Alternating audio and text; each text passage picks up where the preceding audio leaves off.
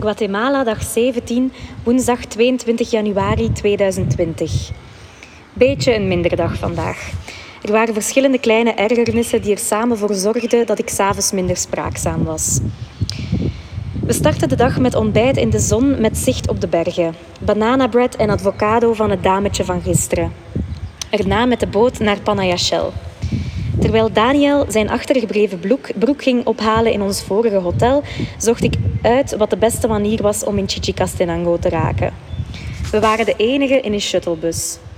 Daar heb ik besloten dat ik toch nog twee dagen langer met Daniel zou samenreizen. Hij sprak eruit dat hij mij graag had en dat graag zou willen.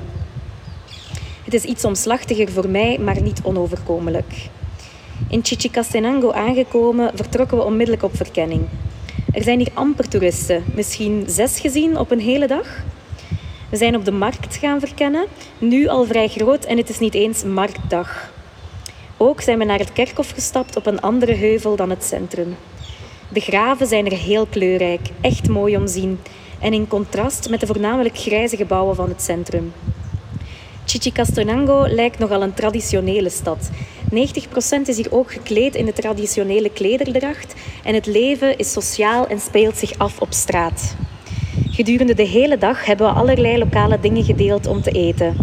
Een sandwich, plato tipico met een zeer smakelijke cotelet onder andere, fruitbekers, brood, gringa, eh, gringa tacos met verschillende smaken, burrito, een fruittaart met ananas, appel en papaya-vulling en het allerlekkerste, platanas gevuld met frijoles. Bonen in een gefrituurde banaan dus. Heerlijk. En alweer bereid door een superlief dametje. S'avonds was er dus wel een momentje van feedback geven aan elkaar. Niet leuk om te doen, maar het communiceren lukt wel goed, dus we zijn weer all good. Guatemala, dag 18, donderdag 23 januari 2020. Eigenlijk is het al vrijdag. Gisteren zijn we heel vroeg opgestaan om naar de grote markt in Chichicastenango te gaan. We zouden niet veel tijd hebben, dus waren we om 7 uur al paraat. De helft van de kramen was zelf nog niet paraat en de toeristen waren gelukkig ook nog niet paraat. Dus we zijn alweer getuigen van de Guatemalteekse dagelijkse leven en dat is wel fijn.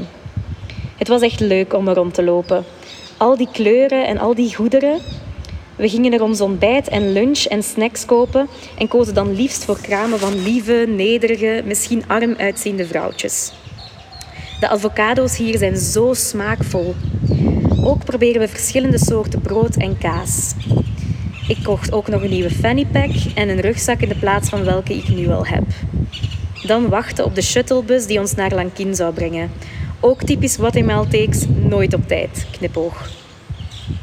De rit duurde in totaal tien en een half uur, veel langer dan gedacht. Ik voelde mij ook wat claustrofobisch soms.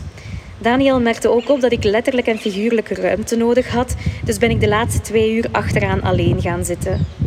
24 op 7 met 2 begint nu zijn tol te eisen en er zijn wel wat ergernissen. We zijn over onze piek. Na de shuttle en nog een 4x4 richting Shibokol Community Hostel en dan een 30 minuten lange hike in de pikdonkere jungle. Overal rond ons waren junglegeluiden en kabbelend water, maar buiten mieren, een vogelspin en veel modder konden we niets zien. De Community Hostel is een hippieplaats, hadden we kunnen weten. Eerste indruk is dat we hier niet thuis horen, maar ondertussen voelen we al ons goed op ons gemak. We hebben een privé houten hutje 100 meter hoger dan het gemeenschappelijke gedeelte. Eigenlijk echt zalig, zo met twee tussen al die junglegeluiden, maar de sfeer zat niet volledig goed vandaag.